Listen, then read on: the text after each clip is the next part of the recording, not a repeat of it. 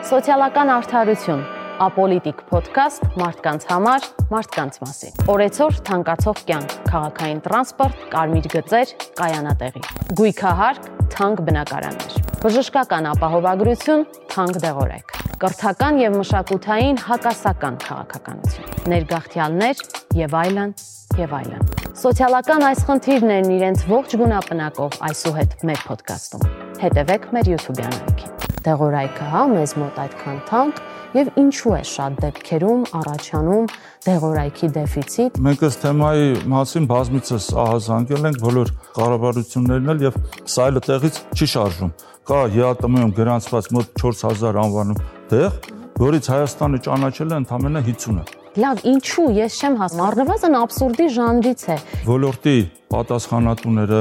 աշխատակազմի ղեկավարը, վարչության պետը նախկին իշխանությունների ամենաստորին էշելոնի աշխատողներն են։ Հիմա նրանց ձեռքն է անկել էս կազմակերպում այս գործերի, որևէ բան չի գնում, ոչ ոչ մի ողջամիտ բան, բացի այդ ոչ adekvatությունից ամեն ինչը գալիս է ստվերային բժիշկները կամ այդ դեղերը կարևոր չեն նշանակում կա գիտեն ով է ստվերային վաճառում շատ դեպքում ողջում են կոնկրետ ծուղակի մեջ տեսչական մարմինը որևէ հսկողություն ըստ էության չի կատարվում պետությունը չի գործում այստեղից կարող ենք հետևություն անել որ այս սև շուկայի զարգացմանը դեռ մի բան էլ նպաստում է պետությունը իր որոշումներով նախարարությունը դառնում է մոստար ինքը որոշում է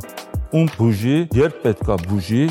Մտերիմներիցս մեկին սև կարիճը խայթել էր։ Պարզվեց, որ երկրում հակաթույնը չկար։ Այս պետական чиновниկներին չեն այդքան խոչընդոտ ստեղծում, որ իրանց կարևորությունը լինի, եթե նորմալ աշխատեն, դրա կարիքը չեր լինի։ Այսքան սա տենց կոսմետիկ,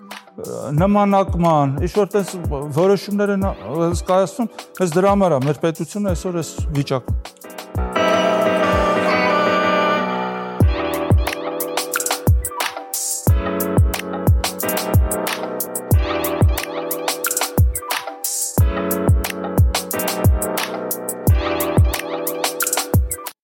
Ողջույն բոլորին։ Այսօր սոցիալական արդարություն ոդքասթի եթերում մենք զրուցելու ենք մարդու հիմնարար իրավունքներից, սահմանադրական իրավունքներից մեկի առողջության իրավունքի մասին եւ դրա ոտնահարման մասին, մասնավորապես թանկ դեղորայքի եւ շատ դեպքերում տոտալ դեֆիցիտի մասին։ Իսկ զրուցելու ենք Vaga Farm ընկերության հիմնադիր Վահե Վարսանյանի հետ։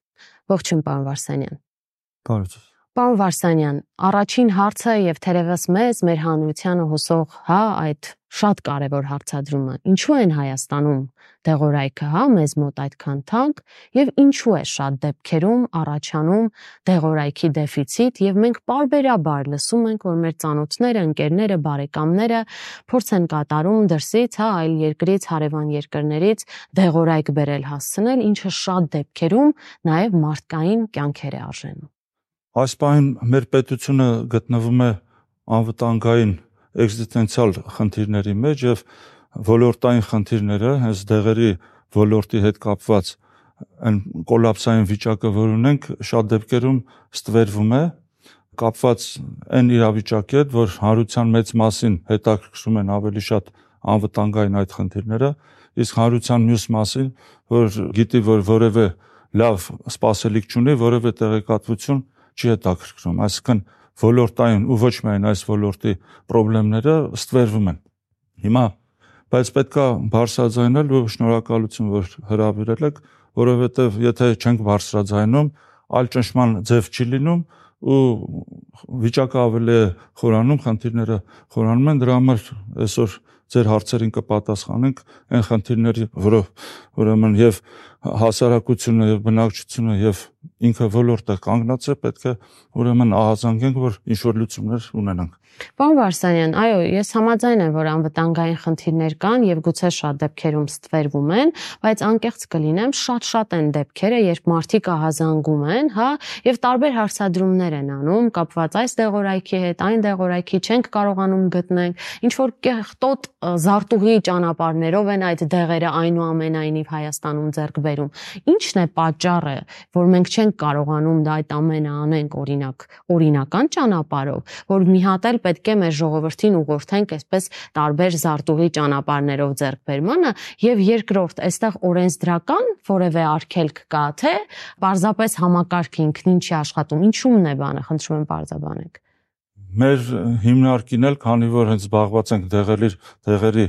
ոլորտում եւ ապահովում ենք դեղերով, բազմաթիվ ահազանգեր նույնպես գալիս են, նույնիսկ մեր ծանոթները մեզ էլ են դիմում ոչ միայն մեր ծանոթները, հասարակ քաղաքացիներն էլ միշտ դժգոհում են ու գրանցված օրինական շրջանառության դեղերը հետս հետը շրջանառությունից դուրս են գալի, փորձեմ բարձաբանել խոսքը ինչի մասին է։ Ուրեմն Հայաստանի Հանրապետություն իրավունք ունեն դեղեր ներմուծել գրեթե օրենսդրությունը նենց է կազմված միայն դեղերի իրավատերերը։ Ճիշտ է, օրենքը թույլ է տալիս ոչ իրավատերերից բերել, բայց հիմնական օրենսդրությունը խարսված է դրա վրա։ Ինչա դա նշանակում։ Դեղը ուրեմն մինչև չգրանցվի, չի կարող շրջանառություն մտնել։ Շրջանառության մտնելու համար այդ դեղի գրանցումը կազմակերպում են դեղերի իրավատերերը։ Դրանք կամ պատենտի տերերն են կամ որը որ համընկնում է արտադրողները։ Եթե 2016-17 թվականին կար 5000 մոտ 5000 գրանցված դեղ, հետս հետը նրանց քանակը պակասում է, այսօր ունենք ընդամենը գրանցված 3200 անվանում դեղ։ Այսինքն, եթե նայում ենք մնացած երկրները, մեզ համարժեք երկրները, ընդունենք Վրաստանը։ Վրաստանում կա 7000 անվանում պաշտոնապես գրանցված դեղ, 3000 անվանում է զուգահեռ ներմուծման թույլտվության դեղ, մոտ 10000 անվանում։ Ռուսաստանում 14000 անվանում գրանցված դեղ կա, նույնիսկ այս պատերազմական վիճակներով, սանկցիաներով նրանց հանդեպ 14000, Եվրամիությունում 14000։ Այսինքն այն 3200-ն էլ մի մասը էլ չի արտադրվում, մի մասը կրկնվում է, շատ դեպքերում փոքր փոփոխություններով նույն դեղերն են գրանցված, այսինքն իրականում ունենում ենք մոտ 800-ից 1000 անվանում դեղ, որը շատ քիչ է շրջանառությունը ապահովելու համար։ Տեղից հետևում է, որ պետքա դեղերը, քանի որ բժիշկն է նշանակում, ապահովեն։ Ոնց են ապահովում, եթե օրինական ճանապարհով չի գալիս դեղը, պահանջարկը կա, ստվերային ճանապարհով է գալի։ Հիմա երկու այդ մենք այս թեմայի մասին բազմիցս ահազանգել ենք բոլոր կառավարություններն էլ եւ սա էլ տեղից չի շարժվում։ Ուղղակի 2021 թվականներին, քանի որ արտակարգ իրավիճակ էր, հետո էլ պատերազմական իրավիճակ էր, կառավարությունը գնաց թույլտվության եւ թույլատրեց կարևոր ուրեմն խմբերի դեղերը ներկրենք։ Այո, արկելքը հանվեց, չէ՞ այդ ժամանակ։ Մինչև մեզ դա ուրեմն միշտ ասվում էր, որ չգրանցված դեղերը մեծ խնդիր կառաջացնեն, անվտանգային, առողջապահական խնդիրներ կլինի, բայց քանի որ օրինական ներկրումները կատարվում էին ու կառավարության որոշումն էլ նենց էր որ Եվրամիությունից ու Ռուսաստանի Դաշնությունից այնտեղի գրանցված դեղերն էին ներկրվում իսկ այնտեղ բավականին խիստ կանոնակարգով են այդ գրանցումները լինում այսինքն ստեղ ներկրվում էր գրանցված ամենալուրջ պետություններում գրանցված դեղերը պատկերը ուղղակի հենց իրանք պետական չինովնիկները ասում էին որ աննախադեպ էր շատ դեղերի գները էապես իջան։ Ինչի իջան, որովհետև քանի որ մինչև այդ թույլ էր տրվում մենակ իրավատերերից բերել, իրավատերերն էլ նենց էին գրանցում տուփի վրա մի փոքր չնչին տարբերությունները, որ այլ հնարավորություն չլինի դեղը բերել նույնիսկ ուրիշ շուկաներում իրանց գրանցած դեղերը չէր լինում բեր ստիպած ուրեմն ոչ թե ստիպած այլ նրանք գները բարձրացնում են բնակչությունն է ստիպած ուրեմն թանկ առնում էր Բացի դրանից շատ դեղեր կան, որ Հայաստանի Հանրապետությունում գրանցում չունեն։ Ահա։ Այդ դեղերն էլ ենք բերում։ Մենք վերլուծություն ենք արել, նախարարին էլ ենք ներկայացրել, թե քանի անվանում չգրանցված կենսական դեղեր ներկրվեց։ Մինչև 20 թվականի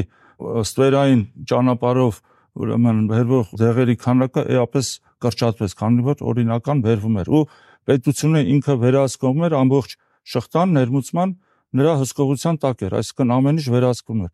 22 թվականի այդ իրավատերերի ովքեր շուկայում մնացել են եւ մի քանի ներմուծողների ում նախարարությունը անձամբ նախարարը հովանավորում է նրանց ուրեմն լոբինգի շնորհիվ այդ որոշումը հետ որոշումը եղավ եւ դրանից հետո էլ արկելվեց ներկրելը իմանալով որ չեն թույլ տալու բավականին մեծ պաշարներ 22 թվականի համար 21 թվականի վերջին ներկրել ենք բայց այդ անverջ չեն պաշարները 22 թվականի առաջի կիսամյակում ավարտվեց դրանից հետո Մինչ այդ որ իրավատերերը գները բարձր էին պահում զուգահեռ ներմուծմամբ մենք բերում ենք հենց այն մեր գործընկերների դեղերը ովքեր գրանցել են ու թանկեր մենք զուգահեռ ներմուծումով բերում ենք Եվրոպայից նրանք արձագանքեցին գները իջացրեցին հենց որ արկելքը էլի մտավ ուժի մեջ նորից գները բարձրացան բայց ընդհանուր տենդենսը նա է որ քանի որ ԵԱՏՄ-ի մեջ ենք ու մինչև 25 թվականի վերջը պետքա դեղերի ոլորտը միասնական լինի, այսինքն բոլոր դեղերը պետք է գրանցված լինեն ամբողջ ԵԱՏՄ-ում եւ ամբողջ օրենսդրությունը պետք է համապատասխանեցվի։ Այն լուրջ արտադրողները արդեն Հայաստանում նոր գրանցումներ չէին անում, պատրաստվում են որ ԵԱՏՄ-ով գրանցումներ կատարեն։ 25 թվականից հետո որ արդեն նախապատրաստվում են, որ արդեն մինչև 25 թվականը ավարտեն, որովհետև դեղերի գրանցումը երկարատևում, եթե Ռուսաստանում են գրանցում, վերագրանցում ավելի երկարատևում, արդեն որոշում կայացրեցին, որ լոկալ շուկաներից գնան գրանցումները կազմակերպեն ԵԱՏՄ-ում։ 22 թվականի պատերազմից հետո Ռուսաստանի սանկցիաներ սկսեցին կիրառել եւ ահագին ուրեմն արտադրողներ դանդաղեցրեցին իրանց գրանցումները նույնիսկ այդ պատճառ այս այս վիճակում ուրեմն կա ԵԱՏՄ-ում գրանցված մոտ 4000 անվանում տեղ որից Հայաստանը ճանաչել է ընդամենը 50-ը Լավ, ինչու ես չեմ հասկանում։ Հիմա մեզ դիտում է Հայաստանի Հանրապետության քաղաքացին, հա, լսում է եւ չի հասկանում, առնվազն абսուրդի ժանրից է։ Ինչու՞մն է խնդրեմը, որ մեկ մենք սպասում ենք, հա, փաստորեն ամբողջական ԵԱՏՄ միասնական շուկայի ձևավորմանը, երկու չենք ճանաչում այն դեղերը, որոնք այսօր պետք են Հայաստանի Հանրապետության քաղաքացիներին։ Եվ մենք ստիպված պիտի դիմենք ծանոթ, բարեկամ, չգիտեմ, հերո ինչ որ մեկին, ով կկարողանա միջնորդի որևէ երկրից ստանա այդ դեղը, դեռ չեմ էլ ասում, որ Հայաստանից էլ տարբեր ճանապարհներով, ինչ որ շղթաներով հնարավոր է ձեռք բերել շատ ավելի թանկարժեք։ Պետությունը տեղյակ չի, որ նման սխեմաներ աշխատում են։ Հենց պետությունը, մենք պետությունից ենք ստանում, պետական կայքերից, նրանցից ենք ստանում այս տեղեկատվությունը ու եթե դուք ձեր հաղորդման հետ կապված եք խորացել, մենք ամեն օր այս խնդրի արժև են կանգնած այս абսուրդի մեջ Եվ ինչ են օրինակ, պարտական մարմինները ինչ են ասում։ Որևէ բան չի կատարվում, նույնիսկ ավելի պրիմիտիվ խնդիր։ Մենք նույնիսկ այն դեղերը, որ գրանցված են, ներկրում ենք մինչև մեզ թույլտվություն է տալիս նախարարությունը, որ ըստ կառավարության որոշման ընդամենը 5 օր պետքա տևի։ Ամիսից ավել է տևում եւ ըստ վերջերս դեղգործակալության տնօրենի հետ էլ հանդիպել էինք, որ այդ խնդիրները բարձրաձայնենք, Նա ասում էր մենք հիմա վերակազմավորման փուլում ենք, ընդամենը 4 հոգի պետքա դեղգործակալությունում, 3-4 հոգի էլ նախարարությունում, որ գոնե այս պրիմիտիվ խնդիրը լուծվի։ Նույնիսկ այս խնդիրը չեն լուծում։ Կառավարության որոշումը անխտիր խախտվում է ցանկացած ներմուծման թույլտվություն ստանալու համար պետքա զանգենք դեղգործակալություն, խնդրենք, քան որ դեֆիցիտ ա լինում կամ պետ, պետական տենդերներ պետքա ապահովենք, բացառության կարգով լավություն են անում դեղգործակալությունը եզրակացություն է ուղարկում նախարարություն, նախարարությունը եզրակացության հիմա վրա ներմուծման հավաստագիր է տալիս։ Մի հատ խնդրում ենք դեղգործակալությանը, որ ուղարկի այդ եզրակացությունը նախարարություն, նախարարությունում մի հատ աշխատող կա, անունը Աշխեն, ամբողջ գործը այդ մեծ տխկատարության Աշխենի վրա է, նույնիսկ անցյալ տարի հոդված էի գրել ու ամեն ինչը գցել են Աշխենի վրա, Աշխենն էլ բացա էլի օրը մի գործ Այնտեղ ընդամենը պետքա կնոպկա սխմել, որ գործը մալբորիով առաջ գնա։ Նույնիսկ դա չի կատարվում, այսինքն այդ պրիմիտիվ խնդիրները, որ չի լուծվում, այն մնացած խնդիրները ուղղակի բարձի թողի վիճակ է, ոչ մի սրտացավություն չկա, տենց ոնց որ մյուս խնդիրներն է, ուղղակի տենց ժողովրդի ասած տենց բրախել են մի կողմ։ Պարոն Վարսանյան, ես էլ եմ հիշում, որ իդի ժամանակահատվածում եւ հա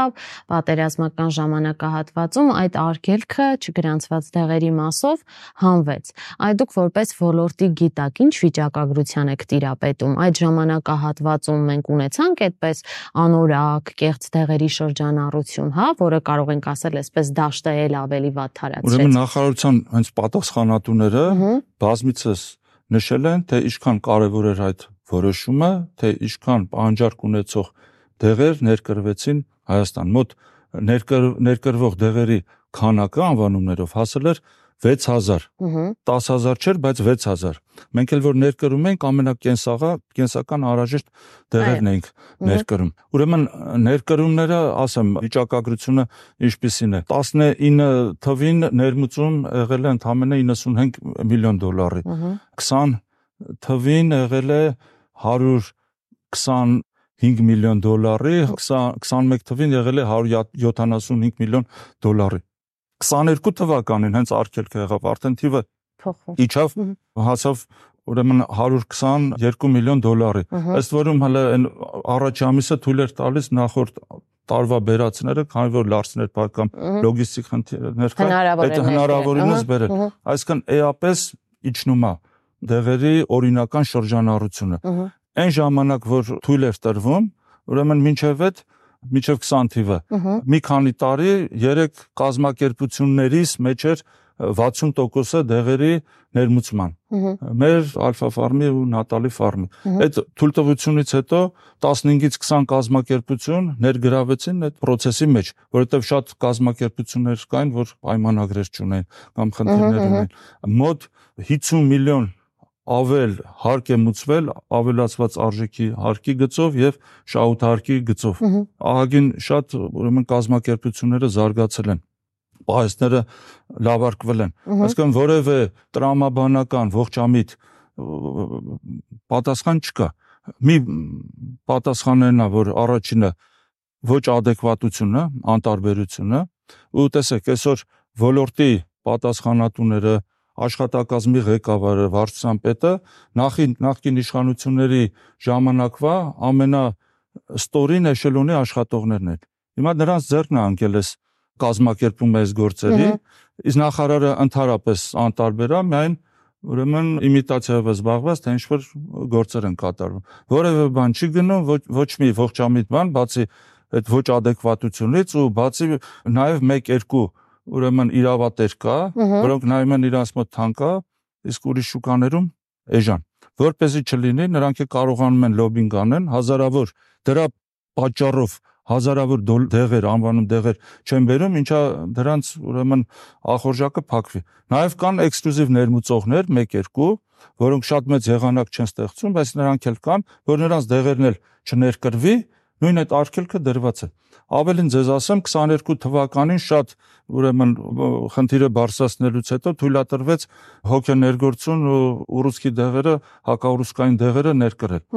այդ ժամանակ էլ այն դեղերը ովքեր որ էքսկլյուզիվ ունեն այդ նոոտրոպ դեղերն էին հակաուռուցքային որ ներկրում ենք Պարզ բան ասեմ, ճիշտ է, ինքը շատ այնց լուրջ մոլեկուլ չի, վալակարձինը։ Վալակարձինը Նատալի ֆարմի էքսկլյուզիվն էր, Հմ։ մեր ներմուծելուց հետո գինը 3 անգամ իջավ։ Նույն բանը կար ուրեմն էքսկլյուզիվ Գեդեոն Ռիխտերի ուրեմն մատակարարը նրա դեղերը որ Ռուսաստանից բերում ենք տուփերի տարբերություն կար ուրեմն 3 անգամ նրա այդ խմբի դեղերը իջան ու խորհրդակցություններ նախարարությունում այդ Գեդեոն Ռիխտերի այդ Լամբրոնի ներկայացուցիչ ասում էր մի թողեք sense բերեն ըհը, աշխատակազմի ղեկավարը քանի որի հարազատ աշխատում է Գեդեոն Ռիխտերում ասաց արխային եղեք էլ չենք թողելու էլ բացառվում է դրանից հետո էլ ողջամիտ պատասխաններ մանգալը անիմաստ է Այսինքն ստացվում է, ես կարող եմ ենթադրել, որ հա, եթե որևէ աստորեն այդ արկելքի հանման ժամանակահատվածում որևէ բացասական միտում չի նկատվել, ավելին ինչպես դուք եք պնդում, դրական է իրանք են ասում, ընդ վարչության պետը այդ Մարինե Հարությունյանը ինքը ասում էր այնքան են բերում, ասում է հատուկ այնքան են բերում, որ մենք բան անենք, ուժասպար լինենք, տենց անիմաստ բաներ են Հիմա խոսում, ասում հիմա նորից արկելքը կիրառելը չի նշանակում, որ մենք նպաստում Հիմա ենք այս Հիմա տեսեք- դեղորայքի սև շուկայի Հիմա զարգացմանը։ ներմուծումները, որ օրինական ամբողջ շղթան երևում էր, այսինքն պետությունը վերահսկում էր դեղ որ- որտեղ ուղեկցող փաստաթղթերով դեղի ու դեղով ամեն ինչ այնտեղ երևում էր որևէ խնդիր չկար։ Հիմա ամեն ինչը գալիս է ստվերային, բժիշկները կամ այդ դեղերը կարևոր չեն նշանակում, կա գի- գիտեն ով է ստվերային վաճառում, անգնում են կոնկրետ։ ծուղակի մեջ մի մասը լավ էլ ցանկանալով որտեվ ատկատա ստանում, մի մասը ստիպված, որտեվ դեղը նշանակում է, պետքա հաճախ պացիենտը կարողանա կտրի։ Տեղյակ չեն, պարոն Վարսանյան, այս պատկան մարմիններից, պատկան մարմիններից կա տեսչական մարմին։ Բազմիցս նրանց ահազանգել են, նույնիսկ հսկիչ գնումներ են կատարել, որ ցույց տանք, որ թե ինչ ուրեմն վիճակում է դաշտը։ Բացի նրանից, որ լրիվ այդեն զարտուղի կանտրաբանդա ճանապարհներով է ներկրվում։ Նաև երբ որ ԵԱՏՄ-ից ներկրվում է, չի գնում մաքսային պահեստ, հետո նոր մաքսաձերծվի։ Անմիջապես գալիս է ուրեմն մատակարարի պահեստ։ Կան ընկերություններ, որ թքած ունենալով այս արկելքների վրա, այնտեղից բերում են այդ դեղերը, կամ դիմում են նախարարություն մեկը մերժում են ստանում, հետո դատական հայցերի մեջ են մտնում, իբր թե իրանց վերածը օրինական էր, իսկ հիմա ցանկացած հայց գիտեք 4-5 տարի տևում է։ Մենք հայց ունենք տված, տեղափոխվել է մյուս տարվա մայիս, հունիս, նոր առաջի նիստը։ Այսինքն, եւ որ ամբողջ ուրեմն ացաններով անցնում ենք երեք ացանով, արդեն չես իմանում ինչի համար էր դիմել, ոչ մի ակտուալություն չկա։ Այդ բոլոր դեպքերի համար մենք բազմիցս դիմել ենք տեսչական մարմնի, տեսչական մարմինը որևէ հսկողություն կարելի է ասել ըստ էության չի կատարում, մեզ ասում են ավելի շատ փաստական հանգամանքներ բերեք եւ որ օրինակ ընկերություն կա Argo Pharma նրա կայքում 270 անվանում չգրանցած դեղ կա ինչ ուզում անում ինչ են անում այդ Argo Pharma մի հատ մեկին որ ուրեմն բանկրոտ ա եղել նշանակել են տնորեն ամեն դեղի անօրինական դեղի հայտնաբերումը 5 տուփը 1 միլիոն դրամ է, դրանից ավելը 2 միլիոն։ Անվերջ գումարներ այդ վճարվում, հա։ Չէ, չէ, չեն վճարում։ Իրա վրա դրվում այդ տնորենի, որը սնանկ է հայտարարվել, ոչ մի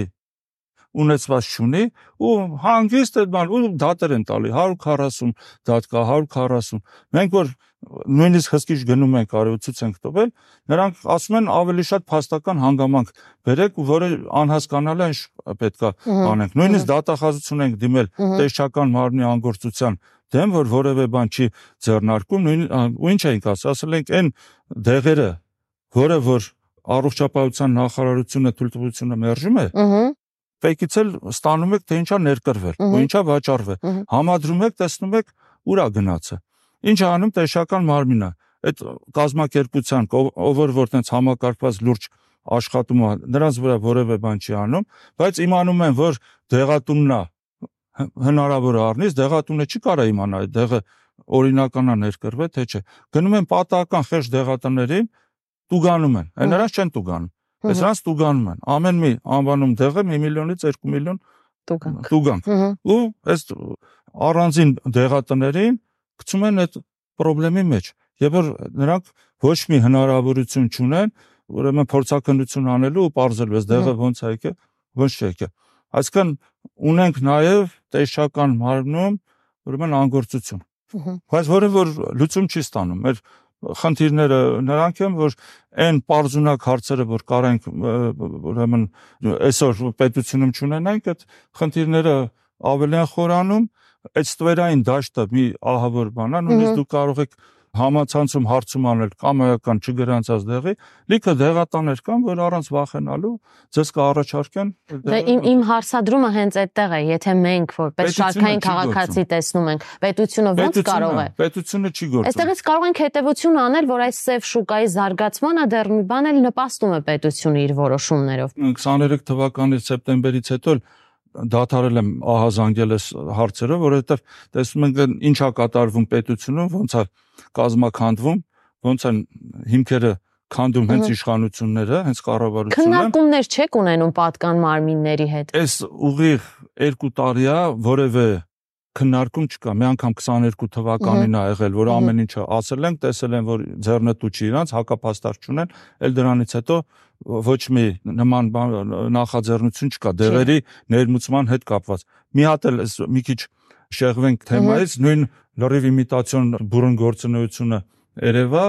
ուրեմն պետական ռազմավարական պաշարների պահուստի կազմակերպման խնդիր էր դրված եւ ուրեմն ասում են պետքա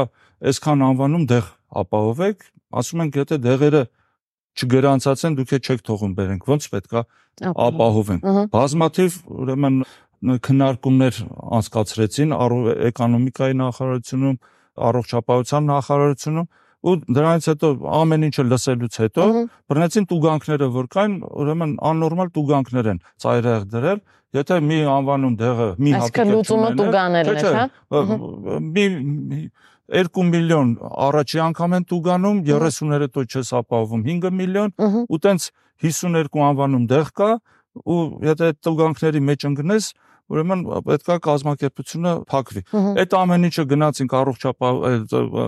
բանում ազգային ժողովում է, քանի որ պետական պաուսները ենթարկվում են ներքին գործերին, ներքին գործերի այդ պաշտպանության հանձնաժողովում մեզ լսեցին, նույնիսկ այդ դրանց ֆրակցիայի ուրեմն ոնց որ այդ կուրատորներ եկե Արփի Դավոյան։ Ինքն էլ լսեց, ասեց, ահա, էս ճիշտ է, 2-3 ամիս հետո իբր թե լուրջ քննարկում են արել, ուրեմն նույն ձևով որևէ բան չփոխելով այդ խիստ պատիժները թողեցին։ Ինչի համար են դա Այսինքն ըստ էության ոչինչ չփոխվեց։ Քննարկումը անիմաստ ավելի հա, հա, Այսինքն ինչի համար են առաջին ընթերցումից երկրորդ անում անհասկանալի է, մի հատ բառն ընդամենը փոխել ու չեն է թակցել։ Հետո այդ բանում ռելիզում ազգային ժողովի կարդացինք, որ ընդամենը մի հատ երկրորդական անիմաս բառ են փոխել ու որ լուրջ քննարկվել է, ամեն ինչը նույնն է մնացել։ Այսինքն պետական մարմիններից առանց որևէ ճնշման, առանց պարտադրանքի ինչ որ մի բան սпасելը անիմաստ է։ Մի հատ էլ շեղվեմ բանից, քանի որ սկսել ենք այդ շատ կարևոր բանը։ Հիմա մցնում են էլեկտրոնային դեղատոմսեր։ Ահա։ Այդ էլեկտրոնային դեղատոմսերով ուրեմն պետքա ըստ քննարկումների նախարարության պաշտոնյաները պետքա մարտի 1-ից արդեն բոլոր բժիշկները էլեկտրոնային դեղատոմսով դեղերը նշանակեին առաջի հերթին հակավարակային անտիբիոտիկները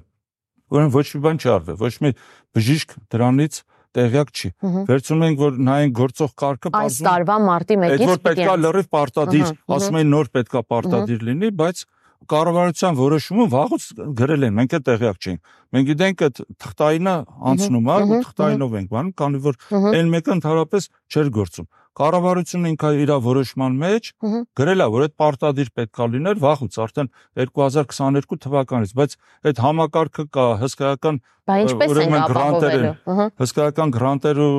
ուրեմն վարկեր են մսկվել դրա համար, նույնիսկ Կարեն Կարապետյանի ժամանակվանից եկող որևէ բան չի արվել բայց քանի որ պետքա ցույց տալ համաշխարհային առողջապահության կազմակերպությանը որ մենք էլ ենք ցես գնում չի գործում այդ ամեն ինչը ստացվում է գրում ենք թղթի վրա բայց ստացվում է կիրառվում կարբոկուլտի սինդրոմը այսինքն անենք ցույց տանք ասենք մեր մոտ էլ էս կա նմանակումը արվում է մակերեսային իսկ հիմքում որևէ բան չկա մյուս էլի կարևոր պահ հենց դրա հետ կապված այս ապահովագրությունը համապարփակ որ ամեն շաբաթ դրա մասին խոսվում է, թմկահարվում է, ուրեմն պետքա լրացուցիչ մոտ 1 միլիարդ, էլ այսօրվա գներով, ուրեմն գումար գեներացվի լրացուցիչ դրա համար մոտ մոտավորապես դա իմ հաշվարկներով 8-ից 9% իրանք ասում են 6% պաշտոնական եկամուտների 9%-ն, այսինքն այդքան պետքա լրացուցիչ բյուջե գումար մտցնենք։ Հիմա հարց է առաջանում, եթե դեղերի ընդամենը 20-25%-ը կա, հələ մյուս մասը չենք խոսում, այդ առանձին թեմոյա, մի օր կհրավիրեք դրա մասին եք խոսանք, որ մի մոնստր նախարարությունը դառնում է մոնստր, ինքը որոշում է ում պետքա բուժի, երբ պետքա բուժի, ինչ գումարով պետքա բուժի ու որտեղ պետքա բուժվի։ Ամենակարևորը։ Սա կոռուպցիոն սխեմա է, սա քննարկման թեմա է, մի օր բայց այս մասը գոնե, որ հենց այս դեղերին է։ Եթե դեղերը չկան, մարդու վրա այսքան ծախս, մենք էլ այդ գումարները լրացուցիչ հարկի ձևով լինալ, հիմա անունը ինչ հարկ կդրվի առողջապահության, թե ինչ որ ինչ կդրվի, դա երկրորդականը։ Այսինքն լրա հա, հերթական փողերի մսխումն ենք ունենալու ու հսկայական գումարներ, այսինքն ընդ մոտ միլիարդ դոլարի չափ գումար պետքա գնաց այս։ Սա էլ նույն ուրեմն այս կարգո կուլտի Ուրեմն էլեմենտներից է, որ ցույց են տալիս սա բաներով մեր մոտ էլ ապահովագրություն, սա ժողովուրդը բուժվելու ամեն օր ասում Ամեն ինչ ունենք, բայց ոչինչ չի աշխատում։ Ու այդ նույն բանն է, որ հենց այդ կարգո կուլտը ինչ էր, այդ կարճ մի հատ ասեմ, որտեվ դիտողներից մի մասը չիմանան, Ուրեմն 40-ական թվականները, երբ որ Միացյալ Նահանգները պատերազմում էր Ճապոնիայի դեմ, Մելանեզիայի կղզիները, Ֆիջիներ, Պապուա Նոր Գվինեան։ Այդտեղ ուրեմն քանի որ բազաները Միացյալ Նահանգների տեղ էին, բերները որ բերում էին, տեղի մարդիկ էլ որ տեսնում են, ասես գալիս է, նրանց էլ էին տալիս այդ բաներից, իրերից։ Դրանց թվում էր թե ուրեմն որ կանգնում ես, ինչ որ փայտիկներով բան ես անում, շարժում ես, ինչ էին անում։ Կոկոսը նույնիսկ կիսում էին ականջներին էին դնում որպես ականջակալներ ու այդ ձևով իրանց թվում էր որ այդ ամեն ինչ անելով իրան կարան հասնեն որ այդ բեռները գա հենց որ ամերիկացիները գնացին նրանք այդեն շարունակում էին փորձում էին այդ անել հիմա մեր իշխանությունների կառավարության սինդրոմն է ոչ մի բան չանել փողկապ կապել ինչ որ տենց նմանակումներ անել ու ցույց տալ որ արվում է, արվելու է։ Պարոն Վարսանյան, ես չեմ զլացել եւ առողջապահության նախարարությանը, հա, մասնավորապես այդ արկելքի հետ կապված հարցադրումներ եմ ուղարկել։ Պիտի ասեմ, որ Ընդամենը երկու աշխատանքային օրում շատ օպերատիվ արձագանքեցին, ինչպես ասում են, լավին լավը պիտի ասենք, այլ հարց է թե որքանով էին պատասխանները սպառիչ, հա։ Ես հիմա կփոխանցեմ, դուք էլ կարող եք ճանոթանալ, հա, մասնավորապես ես ինչու ձեզ հարցրեցի վիճակագրության մասին, որովհետև վիճակագրությունը առողջապահության նախարարությունը ըստ էության մեզ չի տվել, ընդամենը հայտնել են, որ չգրանցված դեղերի շրջանառությունը ռիսկային է, չի կարող կատարվել դեղի նույնականացում գրանցանմուշի հետ եւ հայտնաբերվել կիրառման հրահանգում եւ մակնշման մեջ տեղեկատվության անհամապատասխանության դեպքերը։ Բացի այդ, շուկա կարող են ներթափանցել տարբեր փաթեթավորումներով նույնանուն դեղեր, ինչը պարարտ հող է ստեղծում դեղերի ստվերային շրջանառության համար, հատկապես երբ արկա է ԵԱՏՄ երկրներից դեղերը ազատ տեղաշարժելու եւ փոստային առաքանիների միջոցով դեղեր ստանալու հնարավորությունը։ Հիմա ես սա կտամ իհարկե դուք էլ կարող եք ճանոթանալ, բայց եթե իրենք մատնանշում են ստվերային, հա, փաստորեն շրջանառության հանգամանքը, բայց այսօր ունենալով արկելքը մենք երկում ունենք ստվերային գործող շղթա, այդ դեպքում ինչի համար է այս արկելքը եւ մի այսպիսի հարցադրում։ Եթե պատկան մարմինների հետ քննարկումների արդյունքում օրինակ որոշվի վաղը արկելքը հանվի, մեր մոտ դաշտը ամեն ինչ կկարգավորվի, ինչու եմ այս հարցադրումը անում։ Պարզ օրինակ, հա, պրակտիկ մեր կյանքից։ Սրանից տարիներ առաջ 1-2 տարի առաջվա բան եմ պատմում, Տերիմներիցս մեկին սև կարիճը խայթել էր եւ պարզվեց, որ երկրում հակաթույնը չկար, վակցինան չկար։ Այդ ժամանակ ես ազգային ժողովում էի, երբ երբ փորձ կատարեցի իրավացու պաշտոնյաներից, հա, ճշտել ինչումն է խնդիրը, հա, որ երկրում ճունենք, ողջվեց, որ ժամկետը բավականին կարճ է եւ մեր երկիրը փաստորեն չի կարող իրեն թույլ տալ պես կարճ ժամկետով դեղեր, հա, ներմուծել դեպի երկիր դեռ այդ դեպքը մի կողմ թողնենք, քանի որ դարձյալ մեզ ուղղորդեցին ինչ որ ընկերություններ, կոնկրետ հարևան երկիր Վրաստան, դեղորայքը բերեցին եւ այլն քաղցկեղով հիվանդության դեպքերը ցավոք սրտի, այսպես հազարից մեկ դեպքեր չեն, որ պետությունը ասի, գնա քաղաքացի քո գլխի ճարը տես։ Մենք այսօր բազմաթիվ անգամ լսում ենք մեր հարազատներից, ընկերներից, ծանոթներից, որ քաղցկեղի, հա, դեղորայքը դարձյալ այսօր մեր բժիշկները, հա, բուժող մասնակետները ուղղորդում են Վրաստան կամ կամ կամ այստեղ զարտուղի ճանապարհներով։ Նա ինչու է համակարգը առողջապահական չի աշխատում։ Հիմա հերթով գանք, որտեվ ընդգրկուն գրեթե ամեն ինչից խոսեցիք, ուրեմն գանք նախարարությունից հասնենք սև կարիճները։ Հիմա նախարարությունը, որ ասում է վտանգավոր է, ի՞նչ է, նախ առաջինը, երբ որ թույլ էր տրվել, մենք էլ ենք մեր առաջարկություններ արել. Եվրամիությունից, Ռուսաստանից, անդեղի գրանցված դեղերը, այսինքն դեղերը, որ գալիս են, Եվրամիությունում գրանցված դեղն է։ Այդ նույնը Ռուսաստանում, Ռուսաստանում է ինչքան կաշառակերություն լինի, ինչքան բարձի տողի վիճակ լինի, դեղերի շրջանառությունը խիստ ուրեմն խիստ վերահսկվում է։ Ու պետական պաշտոնյաները, նախարարության աշխատողներն են բազմիցս իրանց հարցազրույցներում տվել, որ որևէ դեպք որևէ դեպք, որը կարող լիներ չի հանդիպել, որ անորակ կամ ինչ որ տեքս դեղ լիներ, անհնար է, չի եղել, որովհետև այդ ամեն ինչը բերվում է կազմակերպությունները դրսի կան, նրանք գիգանտ կազմակերպություններ, ոչ մենք մեր ժողովրդին այսքան նեղություն տալիս ենք։ Արեստական սարվումը, ասում ենք, առաջինը, որ ոչ adekvatությունից, ոչ պիտանելությունից որպես պաշտոնյա, սրտացավություն չունեն եւ հովանավորչությունը, այլ բացատրություն դեռ տեզերքում գոյություն չունի։ Իսկ ինչ վերաբերում է սև կարիճի դեպքի հետ կապված հակաթույներին, պետությունը նրա համար է, որ ինքը գնումներ անի, նույնիսկ կարա ուղիղ գնում անի, ու նույնիսկ եթե գնում է անում, այնտեղ պայմանները կան, եթե արտադրողից ներկրում է, պիտանելիության ժամկետն է պատվիրում է, որևէ խնդիր չկա, ու հազարով մի ուղիղ գնումներ են անում, այս դեպքը նենց է, որ շուկայի վրա չի ազդելու, հանգիստ կարա առողջապահության նախարարությունը մի աղբյուրից գնում, այսինքն արտադրողից առնի, խնդիրը փակվի։ Նույնիսկ եթե չսպառվի, ոչինչ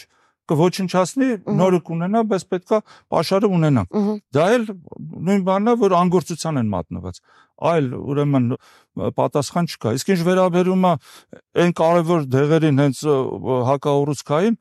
այս պահի դրությամբ գրեթե ամբողջ շրջանառությունը փոքր ինչ-որ գնումներ են ստանդարտ բաների 1-2 բան ուռուցքաբանության կենտրոնը առնում է, մնացածը ամբողջը հիմնված է ստվերային շրջանառության վրա։ Այս ստվերային շրջանառությունն էլ արդեն իր պահանջները դնում են ու այդ դրանով զբաղված այդ ուրեմն այսպես կոչված այդ շուստրիներն էլ ավելի մեծ շրջանառություն են անում, ոչ հարկ են մուծում, ոչ որևէ այլ ուրեմն պարտականություն են կատարում, քան օրինական աշխատողները։ Արկելքի հանումը կկարգավորի դաշտը քիչ թե շատ։ Արկելքի հան, հանումը հնարավորինս կհեշտացնի ջուրին կլինի ինչ որ մի մասը ապահովել։ Մյուս մասը պետքա այն լինի, որ պետությունը ինքը ավտոմատ Եվրամիության գրանցումները, նաև կարելի է Ռուսաստանի գրանցումները ավտոմատ ընդունի, կստացվի այն էլ դեղերը ստե չեն համարվի չգրանցված, որովհետև ինքը դեղ գործակալությունը ամեն մի բան նույնիսկ վերագրանցումներ են հիմա որ գնում 20 տարվա դեղ կա։ Ամեն 5 տարվի մեկ վերագրանցվում է։ Նույն ձևին նստում են, գլուխները բռնում են, յանը մեծ գյուտ են անում ու ոչ մի բայց իրականում բան չի կատարվում։ Դա պետք է ավտոմատ արվեր, իսկ եթե լծակը իրանց ձեռից վերցնենք, իրանց ուրեմն գոյությունը դառնում է բավականին անիմաստ։ Հենց պետական չինովնիկներին չեն այդքան խոչընդոտ ստեղծում, որ իրանց կարևորությունը լինի, եթե նորմալ աշխատեն, դրա կարիքը չէր լինի։ Ու հենց հարցը գալիս է նրան, որ այսինքն մենք sense խոսում ենք, հիմա ստեղ տեսնում ենք, որ նախարարի ոչ կոմպետենտության խնդիր կա բայց մյուս ոլորտներն էլ նմանատիպ։ Նույնը վերաբերում է արդարադատությանը, նույնը վերաբերում է ներքին գործերին, կրթությանը, ամենակարևորը կրթությանը ուրեմն եթե այս նախարարին հանեն ավելի ոչ կոմպետենտ մեկին են վերելու դնեն Նիկոլ Փաշինյանն ինչ է անում ամեն պաշտոնի ամեն պատասխանատու ոլորտում դնում են նենց մեկին որ այդ ոլորտում ինքը դրանից շատ հասկանա իսկ ինքը ոչ մի բան չի հասկանում։ Պարոն Վարսանյան, այստեղ խնդիրը շատ པարզ էր։ Ինչու պիտի Հայաստանի Հանրապետության քաղաքացին դեղը ձերկ բերի շատ ավելի թանկ արժեքով կամ ձերկ բերի զարտուղի ճանապարհով։ Եվ ես ձեր նախարարին էլ հրավիրեք, որ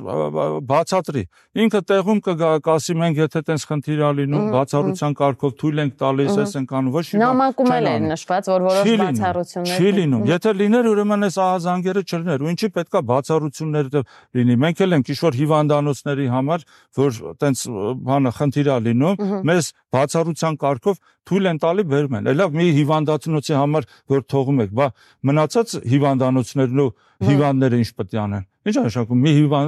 հիվանդանոցը մեզ էլ հիմա թողում են, որ 1-2-ի համար բերում են Է բայց դրանով լուծում եղա, այսքան սաղ տես կոսմետիկ, նմանակման, ինչ որ տես որոշումներ են հենց կայացնում, հենց դրա համար է մեր պետությունը այսօր այս վիճակում։ Շնորհակալ եմ պարոն Վարսանյան այս զրույցի համար։ Մենք ուշի ուշով կհետևենք հա այս զարգացումներին այս ոլորտի եւ եթե հարկ լինի անպայման սիրով ելի կզրուցենք, հասկանանք, որովհետեւ իսկապես ահազանգերը մեզ շատ են եւ այստեղ մենք պիտի կարողանանք միահամուռ ուժերով լուծենք խնդիրը, որովհետեւ դա վերաբերում է մեր բոլորին, վերաբերում է մարդկային կյանքերին մենք կզրուցենք, ես մեծ սիրով կգամ, բայց ճիշտ կլինի նախարարին կանչեք, թողես ամեն ինչին բարձրացած հարցերին պատասխան տա։ Շնորհակալ ենք։ Ես էլ եմ շնորհակալ։